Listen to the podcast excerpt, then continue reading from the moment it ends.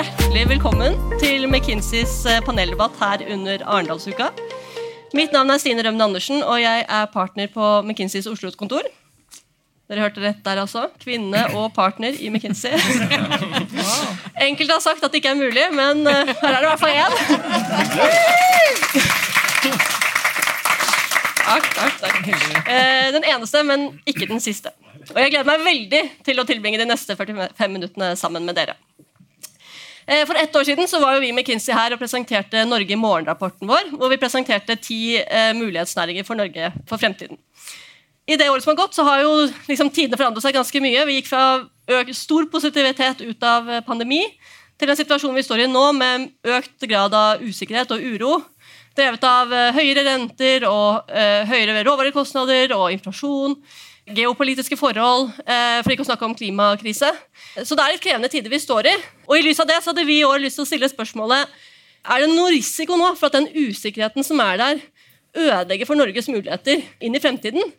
Eller er det nå vi skal ta noen smarte og modige valg eh, for å sikre at vi kommer styrket ut på den andre siden? Det er et vanskelig spørsmål, men heldigvis har vi fått med oss jeg vil jo hevde Arendalsukas aller beste panel eh, på å svare på akkurat det spørsmålet. De representerer jo en bred eh, bredde i næringslivet og i ulike industrier, og er jo drivende dyktige folk. Så dette tror jeg blir kjempebra. Hjelp meg med å ønske velkommen til Stjernepanelet. eh, Kjersti Bråten fra DNB, Øyvind Eriksen fra Aker, Hilde Aasheim fra Hydro, Petter Stordalen fra Strawberry og Hilde Tonne fra Statnett og Fridtjof Lund fra McKinsey Norge. Fridtjof, eh, som leder for McKinsey Norge, så mistenker jeg jo at du tenker at det er nå vi må ta noen smarte og kloke valg for fremtiden. Hvorfor tenker du det, og hva tenker du at vi må gjøre? Det har du jo helt eh, rett i, Stine. Eh, og kanskje det første, den gode nyheten er jo at eh, det er jo akkurat i kriser eller i krevende eh, landskap eh, at man også kan gjøre ting og bruke det til sitt fortrinn. eh, og faktisk komme styrket ut eh, av krisen. Og så er jo vi McKinsey, og vi er veldig glad i å forske på ting eh, og, og litt statistikk og tall. Men vi har jo da sett på eh, og gått gjennom tidligere kriser, bankkrise, finanskrise, dotcom i og for seg før det, eh, og sett på hva er det som gjør at noen virksomheter i hver industri faktisk klarer å komme styrket. De går inn i krisen omtrent som de andre, altså gjennomsnittlig, og så klarer de å ta valg som gjør at de kommer styrket ut av krisen og levere bedre enn andre i tiden etter eh, krisen. Eh, det går an å da analysere det, og så ser man på hvilke valg var det de gjorde, eh, og så lære av det og applisere det i når vi er i situasjoner sånn som den vi er i i dag. Og, og det vi ser er at Det er kanskje to alternative grunnleggende strategier, eh, hvor eh, noen går i litt sånn skalke-lukene-strategien, som egentlig er å fokusere eh, primært på kost. Man kutter investeringer, eh, sørger for at man har en god balanse. Man, på en måte virkelig skalker ned. Eh, det er en effektiv strategi for å overleve eh, en krise. Der ser man veldig høy overlevelsesrate. Utfordringen er at du ikke eh, leverer bedre enn andre ut. Så du kommer ut gjennomsnittlig. Eh, den andre eh, strategien det er jo å gønne på og, og investere maksimalt inn og ta masse risiko. Eh, Fordelen med det er at de som klarer det, de klarer faktisk eh, virkelig å bevege seg eh, bedre enn resten. Ulempen er at svært mange tar på for mye risiko eh, og faktisk ikke lykkes. Eller da ender opp med å gå tom for cash eller gå konkurs. Så, eh, som, som vi ser. Og det vi ser faktisk leverer aller best, de som leverer mest verdi, og som både overlever og klarer å eh, levere bedre enn andre, det er de som tar en mer balansert strategi. De gjør fire ting i all enkelthet. De er enda mer radikale eh, og, og raskere til å kutte kost, så de gjør det. Men så reallokerer de eh, det inn i veldig målrettede investeringer i vekst. De investerer tyngre i teknologi, og de investerer tyngre faktisk i M&A, altså fusjoner og oppkjøp. Det vi kaller programmatiske strategier. Så mindre oppkjøp, men de bruker sykelen til å faktisk gjøre det. Eh, og det de altså gjør da, de har både brems og gass samtidig. Eh, det er det vi ser eh, de beste faktisk gjør. Og bare kritikerne i salen da, sitter kanskje og tenker sånn Ja, det er klart du sier det, men du og McKinsey tjener jo penger på at folk bare eh, bånn gass. Ja, det, det, kan du si. Nå er jo vi ganske agnostiske eh, om det er eh, gass eller brems. for å være ærlig. Av og til blir vi jo spurt til råd på, på begge eh, deler. Eh, men det som er eh, viktigst for oss, det er jo at næringslivet, altså at norsk næringsliv og at Norge som sådan gjør det bra, og at våre klienter gjør det bra. Så vi jo, eh, er jo opptatt av at man nettopp har denne balanserte tilnærmingen, og ikke går i den ene eller den andre fella i de situasjonene vi er inne i nå. En som vi jo alle vet på en måte har sittet veldig i en krise, var jo deg, Petter, under koronapandemien. Da hørte vi jo om sant, at hotellet var stengt, og i hvert fall vi leste i avisen da, om at det var på konkursens rand. Eh, hvordan resonnerte dere den gangen rundt akkurat dette med på en måte skalke på den ene siden og, og gønne på da, på den andre? Ja, vi er tilbake i den jævla pandemien, men eh, altså når vi begynte å se den der flaggermusa fra Wuhan så var vi tidlig ute for å skaffe oss informasjon. Du må, det er sånn act on fact. Du må skaffe deg presis informasjon. Og allerede i februar så var vi helt trygge på at det ville bli erklært en global pandemi. David Nabarro, spesialrådgiver til WHO, han sa til oss det du ser der, Petter, det kommer til å skje i Norden. Det betydde lockdown, næringsforbud. Altså noe vi aldri hadde stått i. Alle de krisene du nevnte, jeg er litt eldre enn deg. Ta også med krisa i 1992, eh, hvor samtlige norske banker måtte ha hjelp av staten. Jeg har vært gjennom mange kriser. Dette var noe som var helt, helt annerledes. Første du gjør, første du gjør når du har lagt planen, du ringer banken! Det var før lockdown, før Erna det var, Dette var i februar. Og jeg sa Tenk på et tall. Trenger en milliard. Jeg hadde én. Det neste vi gjorde, var å ta de vanskelige beslutningene som ingen tar. Ager tidlig. Så jeg sa til han som er ansvarlig for vår aksjeportefølje, alt sammen, selg alt! Han sa Petter, akkurat nå tror jeg vi står overfor den verste timingen noensinne. Det er ikke engang høns i regnevær. Så sa jeg selg. Han sa jeg selger. Så eh, la Torgeir, konsernsjefen gjennom 25 år i hotellselskapet, la en plan for i runde én å ta 8000 mennesker. Vi hadde 18 000 omtrent. Vi har 25 000 i, i konsern totalt. Og så er det den tunge beslutningen. Vi begynte å selge assets som vi ikke hadde behov for. Eiendommer.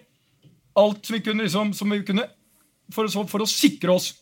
Men så kommer poenget, som McKinsey har. Og for øvrig, bare sånn at alle er enige om det, altså, McKinsey tjener penger uansett. Bra tider, dårlige tider, fakturaene er akkurat like. Jeg har jobba med McKinsey i mange år.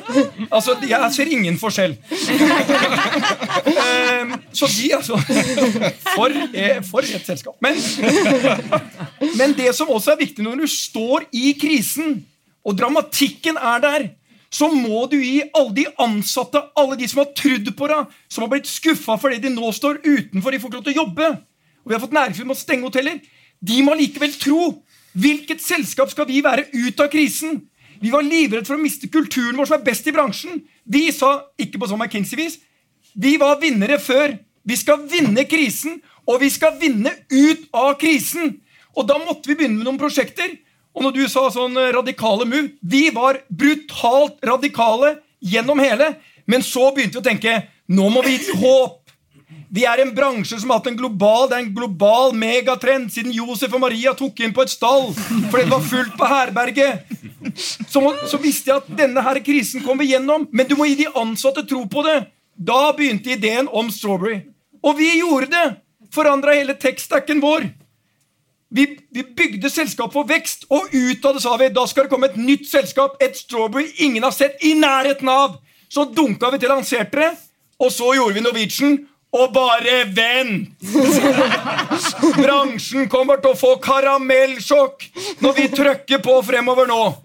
Alt er et ektefølt barn av krisen i pandemien. Kjempeinteressant å høre om.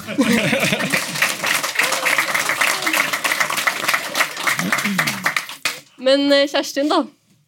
Han ringer deg først. Kølapp 1. 1 milliard. Altså, hvordan vet du at det skal du satse på, men nestemann som kommer, kanskje ikke får uh, samme mulighet. Hvordan tenker dere å resonnere rundt det? Nei, Det er da veldig viktig å si at det var ikke første gangen han ringte.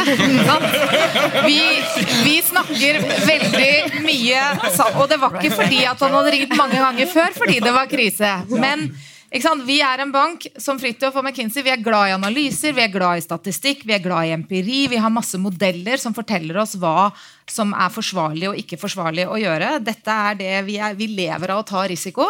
Men det er ett element som aldri er godt nok reflektert i alle de analysene og de modellene og statistikkene. Det er menneskene, relasjonen og tilliten. Og den bygger du ikke den dagen i februar når telefonen ringer og pandemien står rett rundt hjørnet, den bygger du over tid i gode tider. Den bygger du gjennom en transparent dialog hvor du forteller oss hva er det vi har tenkt å gjøre. Dette skal vi få til, dette tror vi veldig på, her er det mer usikkerhet. Og så gjør vi det sammen, og så ser vi eh, hvem er det som er flinke. Og hvem er det som får til ting? Og det betyr mye eh, den dagen det blir vanskelig. Vi eh, vet, etter å ha jobbet med Petter og teamet hans eh, For dette er heller ikke noe aleneshow, selv om eh, du er en veldig sterk hærfører, Petter. At der er det handlekraft, og det gjør ting. Og det er klart at Eh, vi eh, støttet med det behovet eh, som Petter hadde, men ikke, ikke, hvis de ikke hadde hatt en plan om å gjøre de tøffe valgene, om å selge det som var verre enn høns i regnvær, og det å gjøre alt som var mulig for å skaffe fleksibiliteten fra eiers side. Så det er jo et samspill. Det er ikke bare sånn at vi sitter med kron og mynt og sier vi satser på deg og vi satser ikke på deg. Her er det et godt grunnlag som er bygget over tid. Øyvind, spørsmål til deg. Altså, Maker, dere er jo på en måte eksponert på veldig mange ulike næringer. Eh, og når du ser på det, og, og, hva du ser for Norge, hva tenker du at egentlig står på spill for Norge som en nasjon der vi står nå? Når vi studenter rundt her i Arendal og eh, deltar i ulike diskusjoner, så er anslaget veldig ofte eh, problemer. Og jeg minnes ganske ofte når jeg hører anslagene og en klok foredragsholder som startet her forleden dag sitt innlegg med å si at hvis du skulle valgt ett tidspunkt i menneskehetens historie å leve, så måtte det være akkurat nå og skulle valgt et tidspunkt i menneskehetens historie, um, eller et sted å bo, så må det være akkurat her. Og, og, vi har et så unikt utgangspunkt. Naturressurser, kapital, eh, mennesker. Fantastiske bedrifter. Mange av de er her oppe. Så, og, og, og, jeg ser nesten bare muligheter. Vi er som du sier i mange næringer. Olje og gass er vårt største investeringsområde. Ca. halvparten av Aker. Og pandemien var også spesiell for oss. jeg forteller historien fordi det sier litt om hva vi trenger framover. Uh, lockdown. leverandør stopper opp. vi får ikke flyttet ansatte. kunder stopper investeringer. Vi permitterte i løpet av seks uker ca. 10 000 mennesker uten et kny pga. en god kultur, tillitsvalgte i vår bedrift. Det var starten på forhandlingene med eh, regjeringen om det som eh, kalles oljeskattepakka. Det har muliggjort for oss å gønne på. 200 eh, milliarder investerer vi her og nå i ny olje- og gasskapasitet på norsk sokkel. Til produksjon til lavest kost og lavest utslipp i verden. Og Det er i neste omgang det som setter oss i stand til å beholde ingeniørene, kompetansene, eh, eh, nettverket til å transformere oss opp i nye industrier. Og for Aker er det fornybar, det er grønn teknologi, som karbonfangst det er industriell software, og det er sist, men ikke minst kapitalforvaltning med utgangspunkt i det fantastiske oljefondet vi har. Så det er noen eksempler på eh, muligheter med utgangspunkt i en veldig, veldig, veldig sterkt industrielt fundament i Norge. Og akkurat det med Norge er jo litt uh, spennende. altså Hilde Aasheim, dere har jo veldig lang historikk med eksport. Og det interessant å høre liksom, dine refleksjoner rundt hvordan, om den konkurransekraften vi har internasjonalt, har svekket seg det siste året, eller hvordan du ser det? Ja, først så vil jeg bare, Det snakkes her om uh, krise, og, og, i denne bransjen jeg representerer, aluminium, så, så, så, har, det, så har, det, vært kriser i, i, i, i alle år, egentlig. Og det, å, å det, er jo hvordan du manøvrerer i de krisene som, som, er, som er, viktig. Og, og for Hydro så, har liksom bunnplanka vært god og sikker drift. Og du må være på pallen uh, i, i, forhold til kostnadsposisjon, og det må du holde på med i gode og dårlige tider. Uh, nå nå står vi jo i, og Når man driver en global virksomhet, så, så må man jo følge med de, de megatrendene som er rundt i, i, i, verden. og Det er to megatrender som påvirker et selskap som Hydro. Det er eh, det, er det geopolitiske bildet, som har endra seg ganske, ganske kraftig. Eh, og så har du klimautfordringer, som vi alle er eh, en del av. Og det som, eh, det som er utrolig spennende for oss i dag, det er jo at, at aluminium er en del av det grønne skiftet. Det grønne skiftet driver etterspørsel etter aluminium. Mer elektriske biler, mer aluminium i energieffektive bygg, mer aluminium i hele energiskiftet med solcellepaneler og alt det der. Men det som også er eh, dritspennende, er ikke sånn som du på snakke, Petter? Bra Du er fra Larvik, jeg er fra Porsgrunn. Det er eh, at eh, nå er det ikke lenger bare snakk om at eh, f.eks. bilkundene at de trenger aluminium. Men nå stiller, eh, nå stiller Mercedes eh, spørsmål kan Hydro levere et produkt som, har et, som er produsert med et lavt karboninnhold. Fordi at eh, det er jo ikke bærekraftig, Selv om vi får ut det fossile i bilen, så er det ikke bærekraftig hvis du skal produsere millioner av nye elektriske biler, og det materialet er produsert på en ikke bærekraftig måte. Og det som er spennende for et selskap som Hydro, som er tufta på vannkraft, vann og vind, vi, er, eh, vi, leverer med et fotavtrykk i dag som er 75% lavere enn industriens snitt. Og det er Mercedes som kommer til Hydro, som drar til Årdal, som drar til Sunndal. og inngå, Vi har inngått langsiktige partneravtaler med Mercedes, med Porsche, med Polestar. Eh, og som, hvor, hvor, hvor, trøkket kommer egentlig fra kundene. Og de er faktisk også villige til å betale en grønn premie. Og Det skaper en, en konkurransesituasjon som gjør at vi er sterkere i, denne, i dette verdensbildet eh, enn det vi var før, fordi vi er eh, en del av løsningen. og Det gjør jo også at de ansatte i Hydro syns at dette, er, dette har et, et, formål som er høyere enn å bare levere på båndlinja. Vi er en, en, del av løsningen. Så jeg eh, jeg må si at jeg, jeg, har aldri vært så optimistisk, med, et, med, med, med under én forutsetning, og det har vi brukt mye tid på i, i Arendal denne uka. her, Det er at Grunnlaget for den lavkarbonposisjonen det er at vi har tilgjengelig fornybar kraft. Og Det er det vi må kjempe for for å bevare denne industrien i Norge, som har, som har naturlig, en naturgitt fordel, og som har vært der i 120 år. Og Det er jo en perfekt overgang til deg, Hilde. For hva, Når det gjelder satsing, da, som leder i Statnett, så er jo akkurat det eh, den riktige, liksom, viktige satsingen dere gjør. Så Hvordan tenker dere rundt det nå? Hva, Nei, jeg har, jo, jeg har jo min egen krisehistorie. Ehm, jeg tok over som konsernsjef i Statnett 15.3.2021. Da satt vi inne, jeg og assistenten min, alene i Nydalen på hovedkontoret. Eh, adskilt var landsentralgjengen, som ikke fikk lov å møte et eneste menneske pga. sikkerhet. Og eh, tok over et selskap hvor vi fikk det grønne skiftet rett i bakhodet. Sammen med egentlig resten av Norge og Europa. Når vi hadde fått det i bakhodet, så fikk vi i tillegg etter hvert energikrise i Europa og krig. Eh, og det var helt nødvendig veldig fort å gå fra det noen hadde trodd skulle være vedlikeholdstidens eh, fokus, til å etablere en ny operasjonell strategi for Statnett til å reorganisere selskapet ganske kraftig. Også inkludert ny ledelse og nye kompetanser. Da hadde vi kanskje gjort sånn 20% av jobben. Og begynne på reisen hva gjelder ledelse og kulturutvikling. Så det er på en måte den, det vi måtte gjøre veldig fort eh, under ganske ekstreme omstendigheter. Vi gikk også fra å være det selskapet som eh, faren til venninna di pleide å jobbe i, til å bli sånn blanding av rockestjerner og prygelknabber.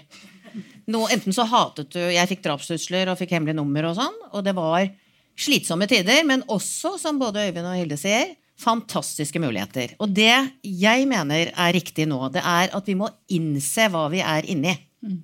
Vi må innse at vi er midt i en klimakrise. Vi må innse at vi har sikkerhetspolitiske problemstillinger som er sterkt knytta til energi, også nasjonalt. Og vi må innse at vi trenger verdiskapning etter oljen. Og det tror jeg vi har innsett. Det har vi snakket om på innpust og utpust, eh, både i fjor og i år, og vi holder på. Vi har masse gode representanter for det her nå. Sånn at vi har et investeringsprofil på 100 milliarder norske kroner frem mot 2030. 250 milliarder norske kroner frem mot 2050. Vi skal opp på et nivå vi aldri har vært før, og vi skal bli der. Det er nettet. Den oppgaven vi har som ikke alle vet om, det er at vi også skal balansere hele kraftsystemet og sikre at kraften er der den skal være. Både på tvers av Norge, på tvers av Norden og på, faktisk på tvers av Europa. Vi eier mellomlandsforbindelsene. Et fornybart kraftsystem skal styres helt annerledes enn hva Europa har gjort tidligere. Sånn at hele den utfordringen den er vi på en god reise til å ordne opp i. Da må det handlekraft til for å sikre den etterspørselen vi nå har fra industri på grønn kraft. Da må det investeres i, i ny produksjon, og det må investeres i nett. Og jeg pleier å si nå for tiden det skal faktisk ikke stå på oss. Vi trenger konsesjoner, og vi trenger produksjon der produksjon trengs. Veldig betryggende å høre at det er så mye positivitet da, i panelet. Eh, og Fritjof, bare for å liksom, Nå har det kommet masse ting som vi er gode på i Norge. egentlig opp, Men hva, liksom, avslutningsvis fra deg, hva tenker du vi er gode på eh, i norsk næringsliv, som gjør at vi er, har riggen som skal til? Jeg, jeg, jeg synes jo først og fremst det er veldig uh, hyggelig. Jeg blir jo optimistisk og inspirert av å høre på, på denne diskusjonen. Um, og, og jeg er helt enig i at vi har akkurat den muligheten. i hvert fall Når jeg ser på tvers og ute i næringslivet, synes jeg det er en fantastisk eh, spennende dynamikk nå i Norge. Jeg synes det er masse ambisjonsnivå. Eh, jeg, syns det er masse entreprenørskap. Vi snakker av og til, vi skårte vel litt lavere i fjor, og så er det høyere nå på, relativt til andre land på mange nye bedrifter vi skaper. Men jeg synes det er masse, vi bygger på en veldig sterk, veldig eh, inspirerende historie av entreprenørskap i Norge. Og her står jo representantene for mange av de selskapene som er skapt ut av det. Og så ser jeg hva som skjer nå. så er det jo I går sto jeg på en hagefest og snakket med en i en industri som jeg tenkte var helt på bånn i digitalisering og kanskje aldri så å si hadde hørt om kunstig intelligens. Og så hadde de akkurat kjøpt et uh, AI-selskap som optimerte en del av prosessen og utviklet det. Altså Det er masse som skjer i norsk uh, næringsliv. Og så har vi faktisk også da den tilliten som vi ofte snakker om. Men det er jo en styrke. Vi er helt i verdenstoppen i tillit til myndighetene eh, i Norge. Eh, og vi har også et veldig velfungerende trepartssamarbeid og, og, et godt samarbeid som gjør at vi kan ta de omstillingene raskt når vi faktisk trenger det. Så vi må bygge på det. Og så er jeg helt enig i at vi har et veldig godt fundament, men så er vi nødt til å ta noen valg. Og de står overfor oss, og de er på, det er på kraft. Og vi må tørre å ta de, og vi må ta de raskere enn det vi gjør per i dag. og vi må faktisk også jeg tror nå har vi snakket mye kraft, men jeg tror også på digitalisering så må vi faktisk tørre å ta noen valg og legge oss eh, og sikre at vi kan opprettholde potensielle fortrinn og faktisk akselerere istedenfor å sakke akterut. Og Øyvind, hva tenker du rundt det? Vel talt, men ikke ta det for gitt. og, og, jeg sier det fordi vi har eh, veldig mange gode eksempler, både kollektivt og hver for oss. Jeg nevnte ett på hvordan vi i kriser kommer sammen og finner løsninger. Men um, her og nå så er det også dessverre for mange eksempler på at uh, politikk og næringsliv sklir fra hverandre. Og, uh, her, vi har brukt tiden i Arendal som uh, kolleger til å starte et arbeid for å konkretisere hvordan dekker vi kraftbehovet framover. Og, um, det har vi til hensikt å gi til regjeringen og si at dette er industriens helhetlige forslag med Statkraft og Statnett som instrumentelle selskaper. Men vi, kan, vi skal også følge med i timen på det som skjer rundt eiermiljøer. For uten eiermiljøer blir det veldig lite igjen av det vi alle ser som muligheter. Og uh, Det er en stor debatt um, rundt formuesskatt uh, og det samlede skattenivået. Det er mange meninger om, om utflytting, men det er et faktum at altfor mange har flyttet. Og vi kommer til å våkne opp en dag og se de negative konsekvensene av det.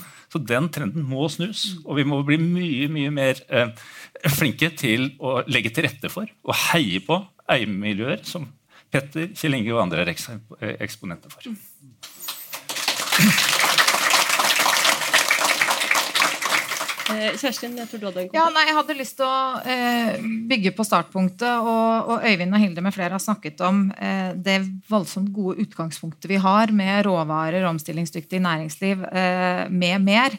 Men tillit og evne til samarbeid den er så mye sterkere eh, i Norge enn andre steder. Vi ser det også innenfor det vi holder på med. Eh, 87 vil helst stole mest på banken for å hjelpe dem med økonomien sin. I andre land er de nivåene på 15-20-25% Og verdien av dette den må vi ordentlig ta inn over oss fordi den er utfordra i en mer polarisert verden, i en verden hvor vi står overfor noen valg. og Det hadde vært fantastisk hvis de valgene handlet om å velge mellom bra eller dårlig.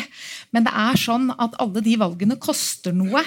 Men det må ikke bli et hinder uh, for å gjøre noe. Jeg tenker Det er en fordel nå at vi er et relativt lite land.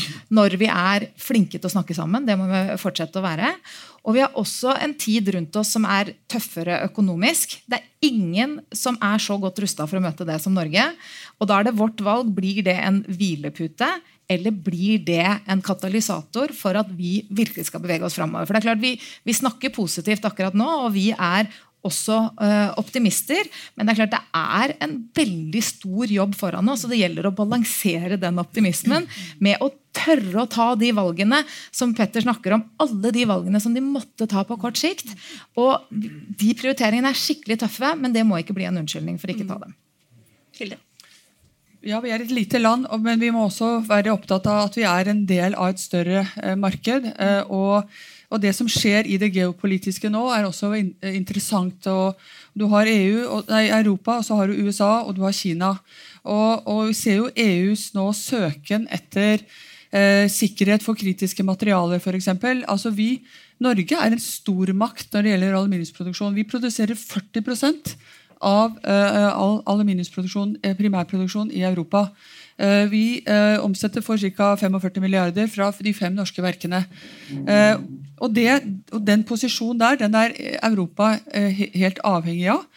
Samtidig som de også er importavhengig fra, fra Kina. og Den ønsker de å løsrive seg fra. og her Det å se Norge i en, et, et, et europeisk marked det gjelder jo det gjelder metaller, men det gjelder jo også eh, absolutt energi.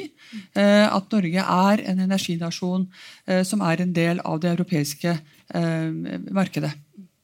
Det var et, en til her. Ja, ja. ja, jeg vil gjerne påpeke dette med at vi er en del, altså Det norske kraftsystemet som, som jeg kan relatere meg til, som vi styrer, det er en veldig sammenvevd på tvers av Norden. Og det er veldig mer og mer sammenvevd på tvers av Europa. Og det er helt nødvendig i et fornybarsystem. Så kan vi diskutere kabler og sånn, men det er helt nødvendig.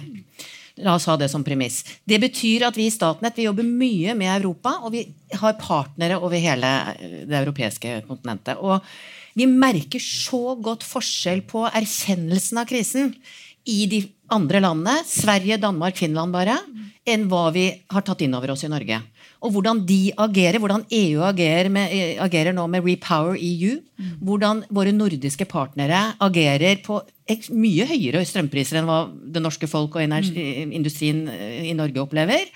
Eh, og hvordan de tar aksjon og innoverer og gjør tunge, vanskelige valg i helt andre omgivelser enn hva vi faktisk er i. Fordi vi har penger til å la være. Mm. Og akkurat det der skal vi ta litt inn over oss. For hvis ikke vi er i tide, mm. så kommer vi til å få en ny eh, eh, situasjon i bakhodet. Hvor vi sitter eh, og baserer hele vår velferd på fossilt brensel. Mm. Og ikke har forberedt oss til den grønne industrialiseringen som vi har en fantastisk mulighet til å ta posisjon på. Mm. Og det, det, gjelder industrialisering på land, det gjelder å ta posisjon på havvind, mm. det gjelder i det hele tatt å lene oss inn med alle de fantastiske utfordringene vi kan ta tak i. Petter? Vi må bare ikke havne her som vi havna i fjor. At Arendalsuka det havner Jeg er veldig opptatt av energi og kraft. Det var det vi snakka om. Fordi det er et annet ting som jeg syns er underkommunisert. Og det er Vi sitter her i det som er verdens kanskje aller beste land. Vi topper nesten alle kåringene. Vi er i, vi er i tillegg noe av de lykkeligste i verden. De lykkeligste er finnene, men de ligger ikke langt etter. Vi har høy utdannelse, fantastisk gode på likestilling.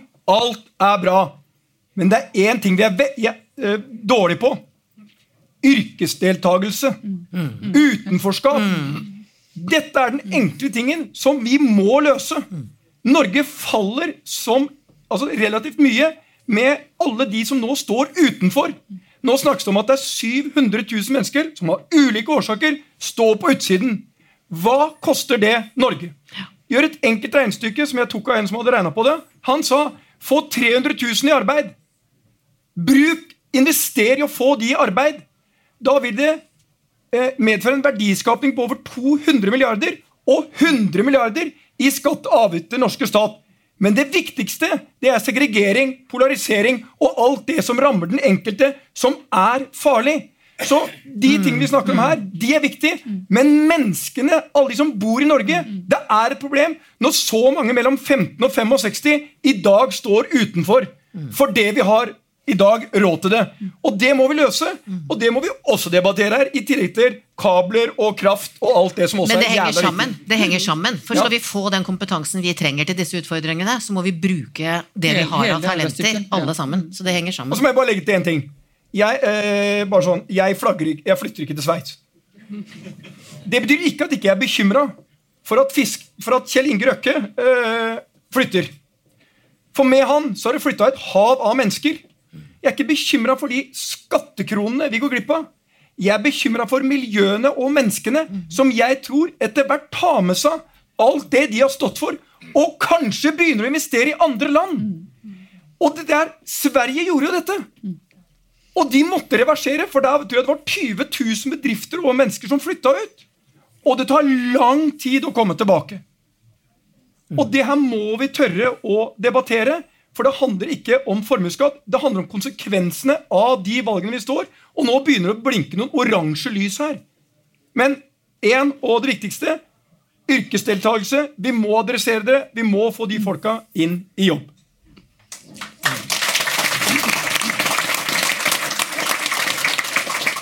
Kjerstin, du hadde kommentar. Vi trenger flere folk. Eh, selv med to år med eh, rentehevinger så har vi en arbeidsledighet på under 2% Så det å mobilisere arbeidsstyrken det er en av våre viktigste oppgaver på tvers.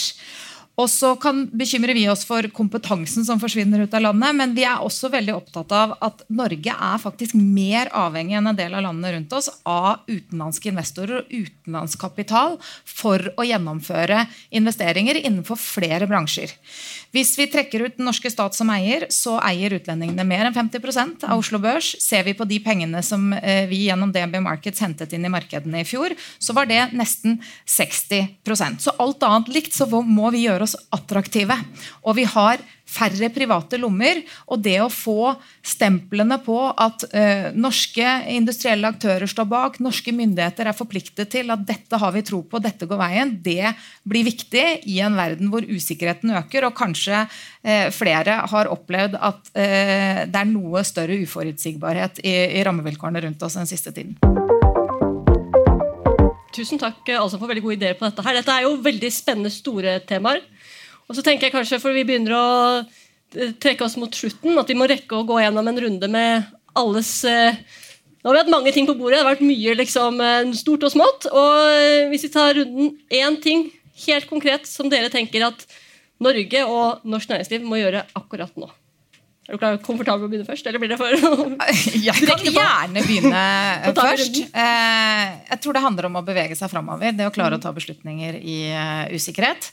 Også hvis jeg kan ønske meg en endring, så skal jeg la andre snakke om konsesjonsprosesser. Og skal jeg si jeg skulle ønske at vi får et rammeverk som gjør at mer av pensjonsfond og pensjonspenger kan investeres inn i det som er framtida vår. Vi må eh, ta inn over oss hvilke fantastiske utgangspunkter vi har i de næringene hvor vi er best i verden. Og så må vi utfordre oss selv og hverandre på hvordan det kan være springbrettet inn i nye og enda mer framtidsrettede sektorer. Ja, For meg vil jeg da si at det å få nå en, et tverrfaglig, tverr, tverrpolitisk eh, fundament for å gjøre noe med det kraftunderskuddet som vi ser eh, om, ikke, om ikke lang tid. Slik at vi har det grunnlaget eh, for å bygge dette landet som vi hadde tilbake i Sam Eides tid. Eh, vi har noe som er naturgitt. Vi har fantastiske ressurser i dette landet. Og vi må eh, sørge for at eh, vi viderefører eh, de mulighetene eh, i å utvikle nye og eksisterende eh, grønne verdikjeder. Nei, jeg må jo fleske litt til her, da. Altså. Eh, nå er det VM i fotball for kvinner. Fantastisk. Akkurat her vi står nå, så sender vi et norsk lag på banen med ni spillere, mens naboene våre de stiller med elleve. Over tid er det ikke bærekraftig. Jeg er ikke bekymret for statlig eierskap i norske bedrifter. For faktum er, la oss ta eksempelet ved bordet her. Jeg er 100% sikker på at DNB hadde vært et filial av et internasjonalt finanskonsern om ikke det hadde vært for statens trygge eierskap.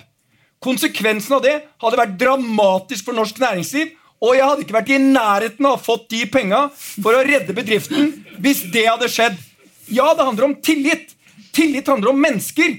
Men hvis de menneskene sitter i New York da er da, da, da, du, vet ikke hvem det er engang. Det er noen finansielle dyr.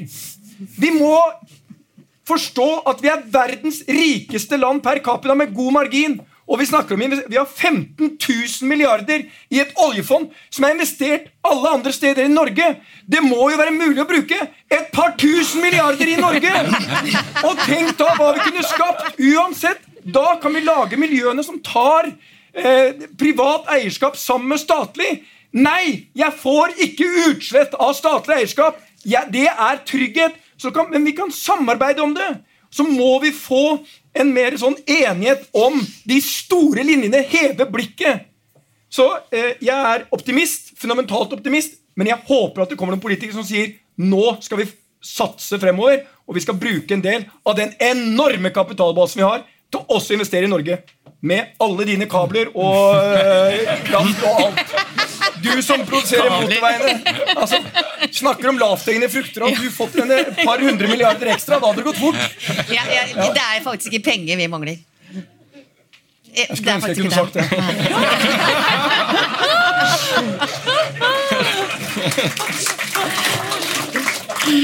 Ja, etter den eh, Men jeg kan henge meg på. For jeg ønsker Med den kraften Petter kommer med her, så ønsker jeg det samme. Jeg ønsker at vi samler oss i Norge. Men så har jeg lyst til å pense inn på én helt konkret ting.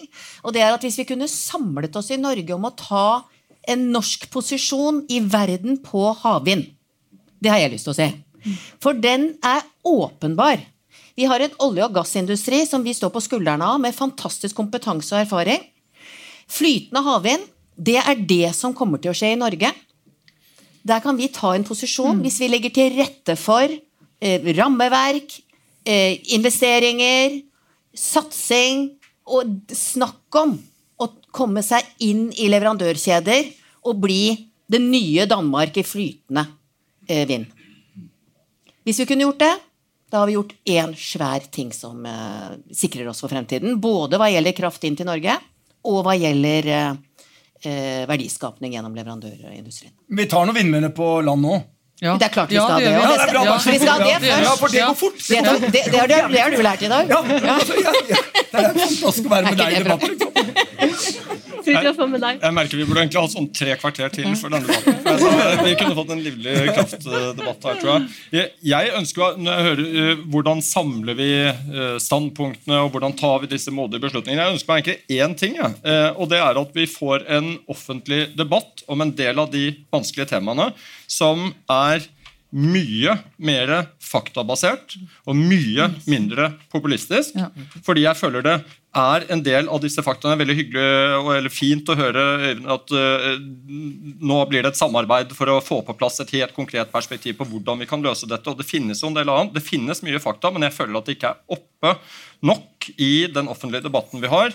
Og så ønsker jeg meg, hvis jeg får et semiønske til, uh, da også ledere, også politiske ledere, som tør å være helt ærlige om hva vi som samfunn prioriterer og faktisk nedprioriterer i en del av disse vanskelige spørsmålene. For når vi diskuterer om det er Melkøya eller Fosen eh, det, er det, er verdier som må holdes opp mot hverandre, men det er prioriteringer. og jeg synes det var litt interessant, for jeg hørte i, i sommer på Aftenpodden og jeg hørte Jens Stoltenberg som snakket om noen av disse problemstillingene, på hvordan de sikrer det. og Det er bare interessant at han etter at han er ute av norsk politikk, så kan han være veldig tydelig på det som er et helt selvfølgelig poeng, som er at vi kan ikke få i pose og sekk dette. Vi må prioritere noe opp, og vi må prioritere noe ned.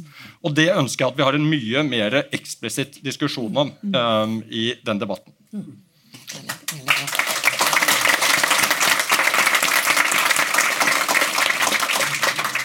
Altså, nå vet ikke jeg med resten av uh, publikum, men jeg kjenner at jeg går ut av dette her nå med liksom godfølelse. Dette kommer til å gå bra. Det er jeg helt sikker på. Uh, Kjerstin, uh, Øyvind, Hilde Petter, Hilde og eh, Fridtjof, tusen tusen hjertelig takk for at dere kom og delte perspektivene deres. setter vi kjempepris på.